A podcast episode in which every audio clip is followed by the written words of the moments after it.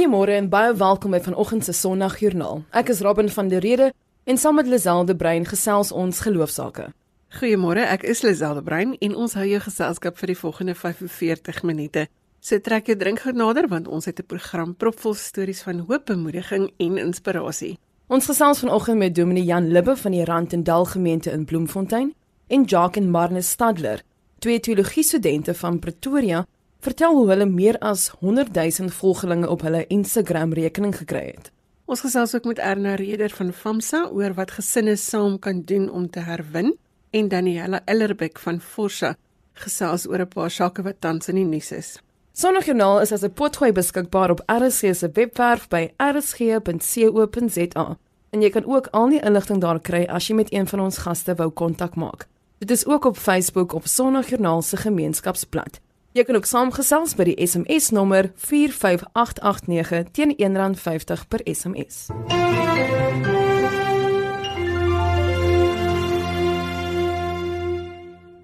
As jy in die kerk groot geword het, weet jy van die Dordtse leerreëls. Nou vir gereformeerde kerke van Nederland se agtergrond het die sinode van Dordrecht 'n belangrike betekenis. En Dominee Jan Libbe gesels vanoggend met ons hier. Goeiemôre Jan. Goeiemôre Lisel, goeiemôre luisteraars. Die sinode van Dordrecht is op 29 Mei 1619 in Nederland afgesluit. Waarom onthou ons dit vanjaar 400 jaar later? Liselde is na 400 jaar steeds 'n belangrike oriënteringspunt gereformeerde kerk reg oor die wêreld, uh, wie ons is en hoe ons onsself verstaan. Dit was 'n omstrede sinode geweest. Dit het in 'n tyd van groot onsekerheid in Nederland plaasgevind. Die Nederlandse state was nog jonk, skaars 20 jaar na hulle bevryding van Spanje. Hulle was verdeel in die noorde protestants en die suide katoliek en net oor die grens met Duitsland uh het die oorlog steeds gewoed. So die situasie in Nederland was polities uh, senuweeagtig. En daar was 'n soeke na 'n identiteit. Wie is ons as nasie? Uh wat is ons onderlinge verhoudinge? Daar was ook bestaansonsekerheid. Die lewensverwagting was baie kort. Uit 1000 babas byvoorbeeld was daar bykans elke jaar 380 van hulle wat hulle lewe verloor het. So die vir gelowiges, vir ouers was daar baie vrae. Hoe kan ek seker wees van God se liefde, van lewe, van verlossing, van 'n ewigheid in so 'n konteks? En dis vrae en onsekerheid wat ook nie vir ons onbekend is nie. So dit is die moeite werd om om terug te dink. Jy noem 'n belangrike vraag vir gelowiges, naamlik oor 'n mens se diepste sekerhede. Wat was die sinode van Dordrecht se antwoord hierop? Daar was twee standpunte en beide het by die Universiteit van Leiden geleef. Uh, in kort aan die een kant die van Arminius wat in kort gesê het dat God aan 'n mens genade en sekerheid skenk, maar jy moet daarvoor kies en jy moet lewenslank sorg dat jy in daardie geloof volhard. God help jou deur sy gees, maar maar jy moet self en jy moet oppas dat jy dit nie verloor nie. Die ander standpunt, die van sy kollega Gomarus en dit was uiteindelik ook die antwoord van die Dordtse Sinode was dat God 'n mens van ewigheid af liefgehad het, dat hy gekies het om aan jou sy genade te skenk en dat geloof en 'n rein lewe en volharding en ewige saligheid dat dit alles die vrug is van God se werking in jou lewe van die eerste oomblik af. Hoe het dit gebeur dat die besluite van die Sinode van Dordrecht hier in Afrika deel van ons kerklike tradisie geword het? Dieselfde nou moet mense onthou dat omtrent 30, 40 jaar na die Sinode van Dordrecht in 1619 30 jaar later het die eerste Nederlanders hier in die Kaap hulle kom vestig en die eerste gemeente wat in 1665 in die Kaap gestig is uh die gemeente in in die Kaap was op verskillende maniere aan die Nederlandse gereformeerde kerke verbind. Byvoorbeeld die Bybel wat gelees is was die Staten-vertaling wat in opdrag van die Dordtse Sinode voltooi is. Uh skaars 15 jaar voordat van Riebeeck byvoorbeeld na die Kaap gekom het. Die liedere wat in eredienste gesing is, was die psalms soos wat Dort dit goedgekeur het. By die doop en die nagmaal is die formuliere van die Dortse sinode gebruik. Maar die interessante is, uh, daar was afwykings in die Kaap omdat die Kaapse bevolking natuurlik meer divers was as in Nederland. Ook die, die hoe die gemeentes ingerig was uh, aan die hand van die Dortse kerkorde. Byvoorbeeld het groot klem geplaas op die selfstandigheid van die plaaslike gemeente. Christus regeer daar en daar's nie 'n hiërargie van vergaderings nie. Dit veral weer in die 19de eeu sê nou maar 200 jaar later het 'n nuwe klem gekry toe in 1859 die gereformeerde kerke by Potchefstroom en Burgersdorp tot stand gekom het. uh en gekies het vir 'n sekere verstaan van die Dordtse sinode. So op verskillende maniere wil ek amper sê deur 300 jaar het die Dordtse sinode steeds 'n nawerking by ons in Suid-Afrika gehad. Jan, ons leef in 'n ander tyd en wêreld as 400 jaar gelede. Wat sou ons van die sinode van Dordrecht en daardie gebeure kon leer vandag? Dis wel ek dink as daar's 'n hele paar dinge. Die eerste en dit is so daar lê ook skade wees oor die Dordtse sinode want dit was immer 'n keuse vir 'n spesifieke teologiese standpunt destyds en dit het tot gevolg gehad dat 'n aantal predikante en lidmate uit die gereformeerde kerke afgesny is. Mens moet dit erken. En hopelik het ons geleer om teologiese geskille op 'n ander manier te hanteer, om versigtig te wees vir te spesifieke, te finale antwoorde. Uh dit sou ook anders gesê kon gewees het uh, as noodwendig net presies so by dorp. So eerstens ek ek dink dit leer ons 'n uh, versigtigheid. En dit tweedens uh, het die dorpse sinode ons inderdaad ook geleer dat eie antwoorde altyd weer getoets moet word. Dit was 'n vraag aan daardie sinode en, en daar moet daardie selfondersoek en toetsing moet kan voortgaan. Derdens dink ek uh, so 'n toets van ons antwoorde moet altyd aan die hand van die Bybel wees en dan verantwoord in 'n konteks, nê, nee, want uit hoe ons die Bybel lees en dit verwoord, dit rig ons hele lewe as gemeente. So ons aanbid, ons sing, ons ons eredienste en bedieninge inrig. En dit bring my dan miskien die laaste ding om te sê, uh, Dordrecht het baie sterk gekies om kerklike sake op 'n teologiese manier te probeer hanteer. Selfstandig en nie dat die owerheid daarmee moet inmeng nie. Die oomblik is politieke owerhede inmeng by kerklike en teologiese geskille kompliseer dit dikwels eh, die situasie. Daar moet wederwysige respek wees en kerke moet met groot verantwoordelikheid teenoor hulle gemeenskappe optree. Ons terugkyk na Dort, dink ek het baie te sê vir vir ons lewe vandag hier. Ja, as ek daaroor dink dan het min dinge verander want ons sit nou weer met 'n situasie waar die politiek en die regering inmeng met kerksake. Jan, as ek nou kan vra, ja. julle gemeente, uh, daar's nou 'n klomp sinode sittings besig om plaas te vind in die verskillende streke. Maar julle gemeente het vir hierdie herdenkingsgeleentheid 'n maandlange program gereël, juis om te fokus op die Dordregse node. Vertel ons 'n bietjie meer daarvan. Ja, dit is ons gemeente belangrik om gereeld terug te kyk en saam met ons kinders te onthou waarvan ons kom, waarvandaan ons kom, te vra wie ons vandag is en ook hoe ons roeping vorentoe lyk, waar langs loop die pad. So ons het verlede Sondag aand het ons die musiek van die 17de eeu, die tyd van Dordrecht gesing en dit was 'n groot verskeidenheid en 'n wonderlike geleentheid saam. Die afgelope week het ons vir senior lidmate so 'n bietjie met die bulp van kuns uit die 17de eeu want onthou nou, dit was ook die tyd van Rembrandt byvoorbeeld. So ons staan die hand van kuns 'n bietjie op besoek gegaan na dorp. Ons gaan die Pinkstertyd afsluit met 'n reeks dienste oor die troos van God se ewig soekende liefde. Maar nou die belangrike, die 29ste Mei het ons 'n teologiese konferensie. Uh dit is presies die dag waarop die Dordtse Sinode in 1619 afgesluit het en ons wil vra oor die vertolking van dorp die ontvangs daarvan in Afrika en hoe dit deur 4 eeue verskillend verstaan is ons wil graag oor die verskeidenheid praat en dan oor die betekenis van die sinode van Dordrecht vandag vir ons in Afrika ons het byvoorbeeld die dekaan van die teologiese fakulteit professor Rantoa Litsosa gevra om spesifiek uit die Afrika konteks oor hierdie teologiese gebeurtenis na te dink en ons daarin uh, te lei. Ons sien daarna uit en ons wil graag alle belangstellendes en predikante en lidmate uitnooi om te kom saamdink en gesels. Julle is nou in die Vrystaat. Uh watter gemeente praat ons van? Dis die NG Kerk Bergendal in Bloemfontein en uh, redelik sentraal geleë. Almal is welkom. En waar kan mense kontak detail kry Jan as hulle dit nodig het? Ek kan my selnommer gee, dis 082 784 9362 of hulle kan 'n e-pos ook stuur na ons kerkkantoor. Die e-posadres is admin@bergendal.co.za. Daardie kontaknommer net weer is 0827849362 of admin@bergendal alles een woord .co.za. Jan baie dankie dat jy vanoggend vir ons gehelp het om 'n bietjie te dink oor die Dordtse sinode en uh, sterkte met al julle dinge wat julle voor het vir die feesvieringe. Baie dankie vir julle ook. Ons het gesels met Dominee Jan Libbe van die Rand en Dal gemeente in Bloemfontein. As jy meer inligting wil hê oor die 400 jaar viering van die Dordtse sinode by die Berg en Dal gemeente in Bloemfontein, kan jy e-pos stuur aan admin@bergendal.co.za. Dis admin@bergendal.co.za. As jy sopas ingeskakel het, sê ons goeiemôre. Die programme Sondagjoernaal saam met Robin en Lazel. Gaan maak 'n draai op RSG se webblad by rsg.co.za vir inligting oor vandag se gaste.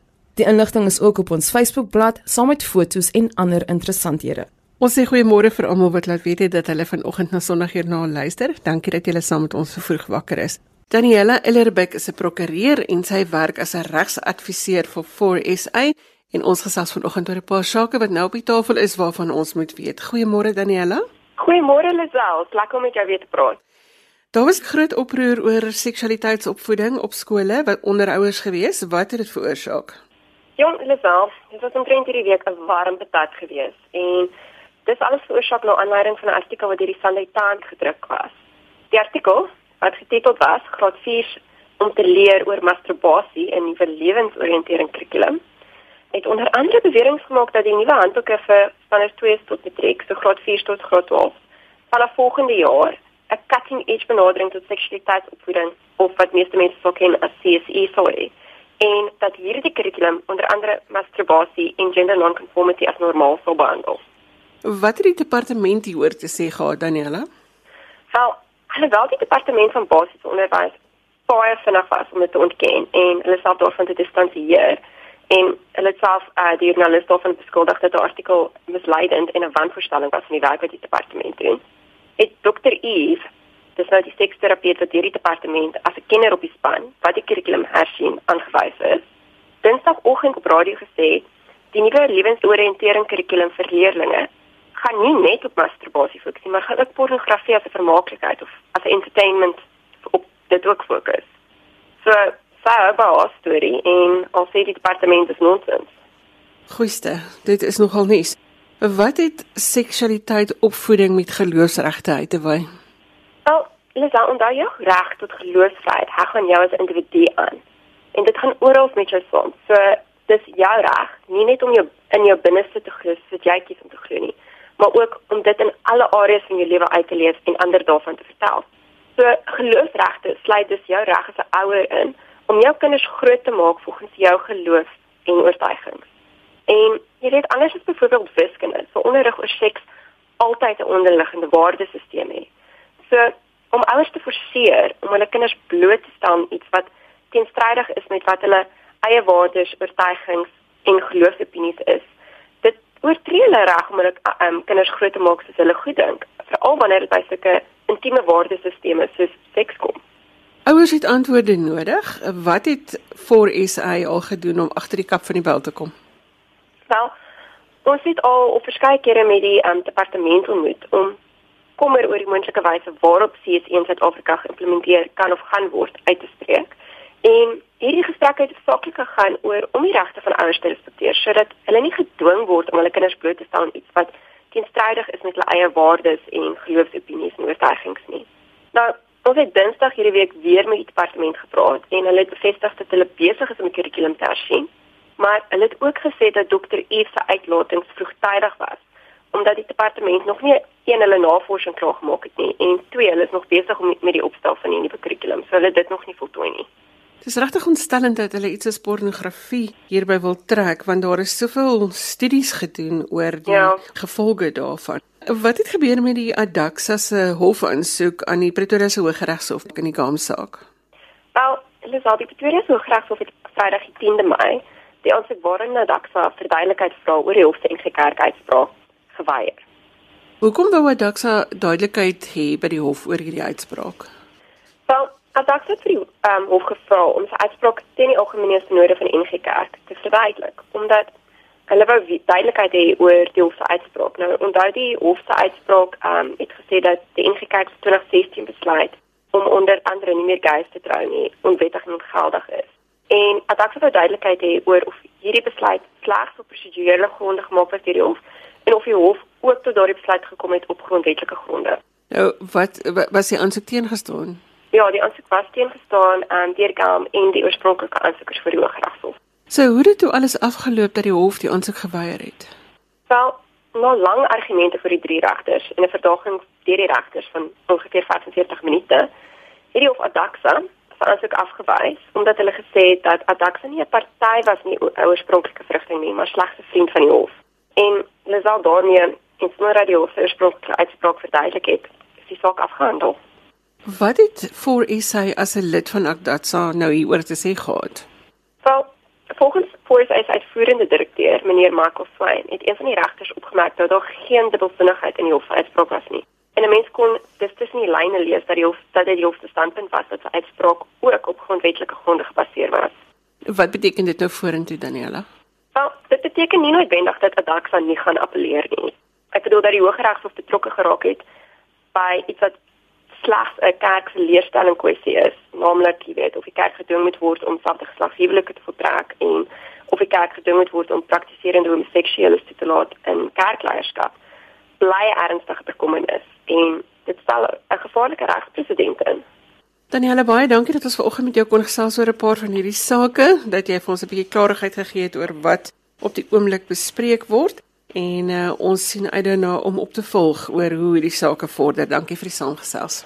Ag, dit is altyd 'n plesier Lisel en indien enige van die luisteraars meer wou weet, is hulle welkom om na ons webtuiste te gaan. Dis www.forsa.org.za of hulle kan ons ook op Facebook volg by Freedom of Religion SA.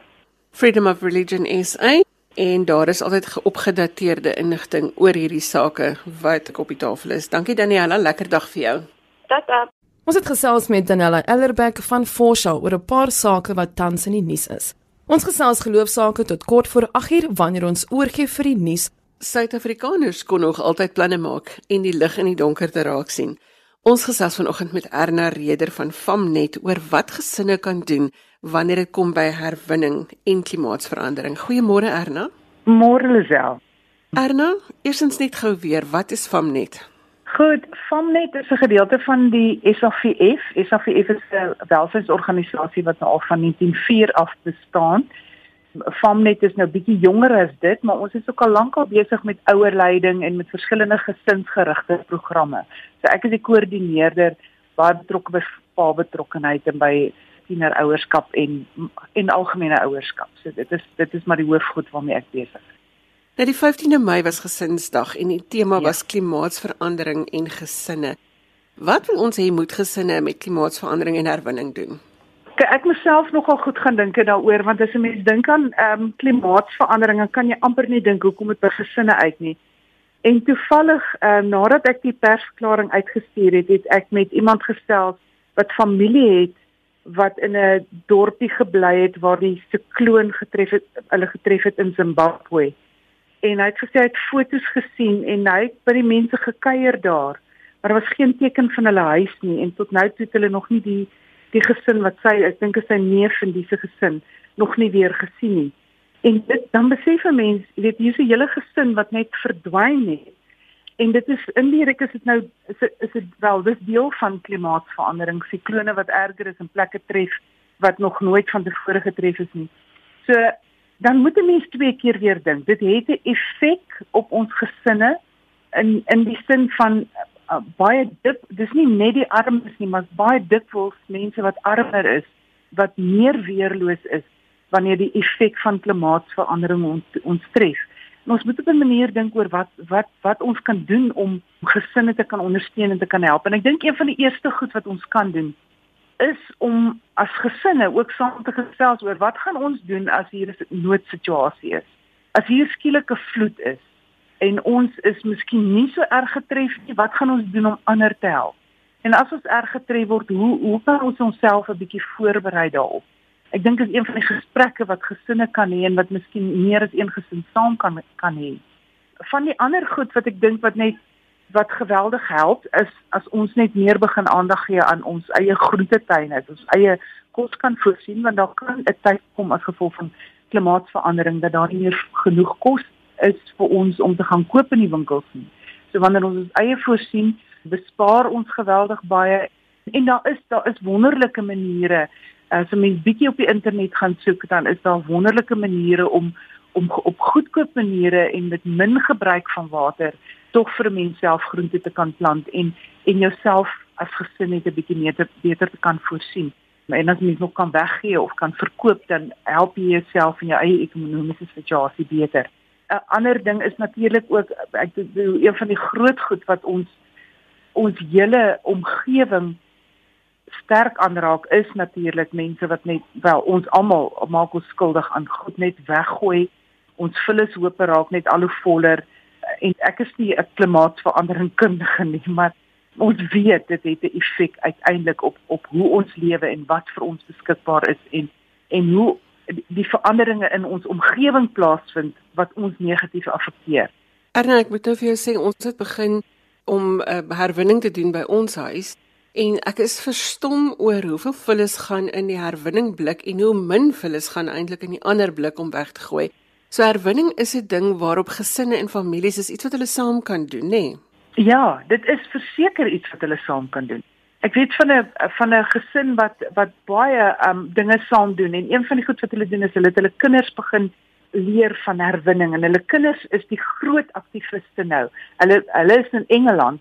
Hulle is groot aktiviste reg oor Europa om te probeer om die die die pla plastiek wat weggegooi word te herwin sodat ons ons seelewe nie so swaar kry nie. Uh omdat daar so baie seelewe is wat opnuut gaan as gevolg van plastiek wat wat net weggegooi word. So dit is goed wat gesinne kan saam doen. Ons kan herwin, ons kan dit goed uitsorteer Ons het eenvoudig 'n uh, 'n uh, 'n uh, houer waarin ons plastiek, blikkies en glas saamgooi en ons sit dit apart van ons ander goed op die sypaadjie want daar is mense wat weekliks kom en al hierdie tipe van goed kom en hulle maak 'n geldjie daaruit en terselfdertyd word dit herwin en word, gaan raak dit lê dit nie net rond nie. So ja, natuurlik ook ons kompos wat ons daarna toe, jy weet die natuurlike goed wat ons daarna toe kan laat gaan. So daar is geweldig baie goed wat 'n mens kan doen en ons ons moet dit ons moet dit net eenvoudig begin doen as gesinne saam dis 'n gesinsaktiwiteit maar ons help ook ons families en ons gemeenskappe vir die toekoms as ons dit doen.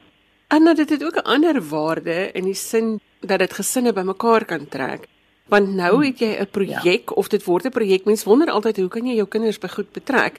En ja. goed waar waarvoor hulle wat hulle interessant vind, maar hierdie is 'n absolute ideale ding om te sê kom ons doen dit saam as 'n gesin. Ja. Dit is letterlik een van die goed wat elke liewe gesin kan doen, is om te herwin. En 'n mens kan verder gaan om te kyk van wat kan jy maak uit die goed wat jy herwin het. Die hergebruik van goed is ook 'n is is is 'n volgende stap. Maar as ons minstens die goed wat wat ons normaalweg net so weggooi vir herwinning beskikbaar stel of self herwin op een of ander manier, dan is dit 'n wonderlike ding wat 'n gesin kan saam doen.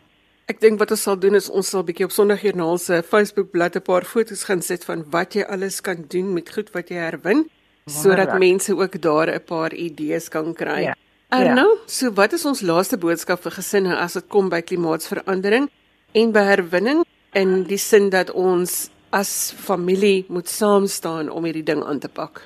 Iemand het nou onlangs iets mooi gesê en dit is wat leer jou kind om te sorg vir die omgewing sodat die omgewing vir jou kan sorg. Daar's geen beter tyd as nou nie. Kom ons kom verby die vrees van klimaatsverandering en ontdek geleenthede waar ons kan groei as gesinne en gemeenskappe. Ons kan dit alles doen, ons kan dit moontlik maak. Dankie Erna vir die saamgesels. Baie dankie Lisel. En so gesels Erna Reder van FAMSA.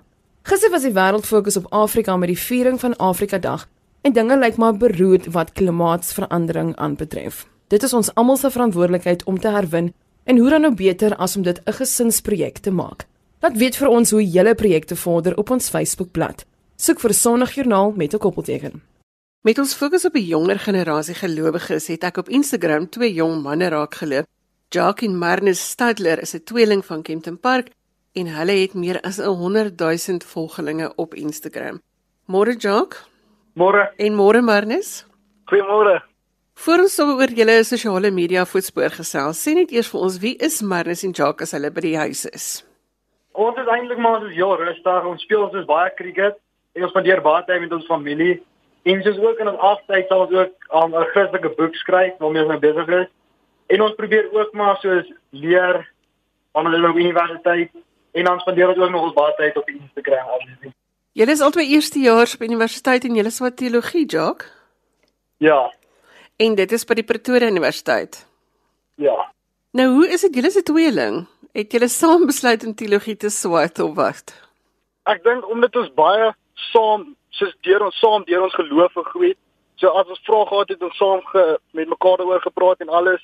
So ek dink omdat ons so saam gegroei het, was dit al ons het ons is baie naby aan mekaar. So ons het daal weer die besluit saam gemaak om saam glorie aan God te bring.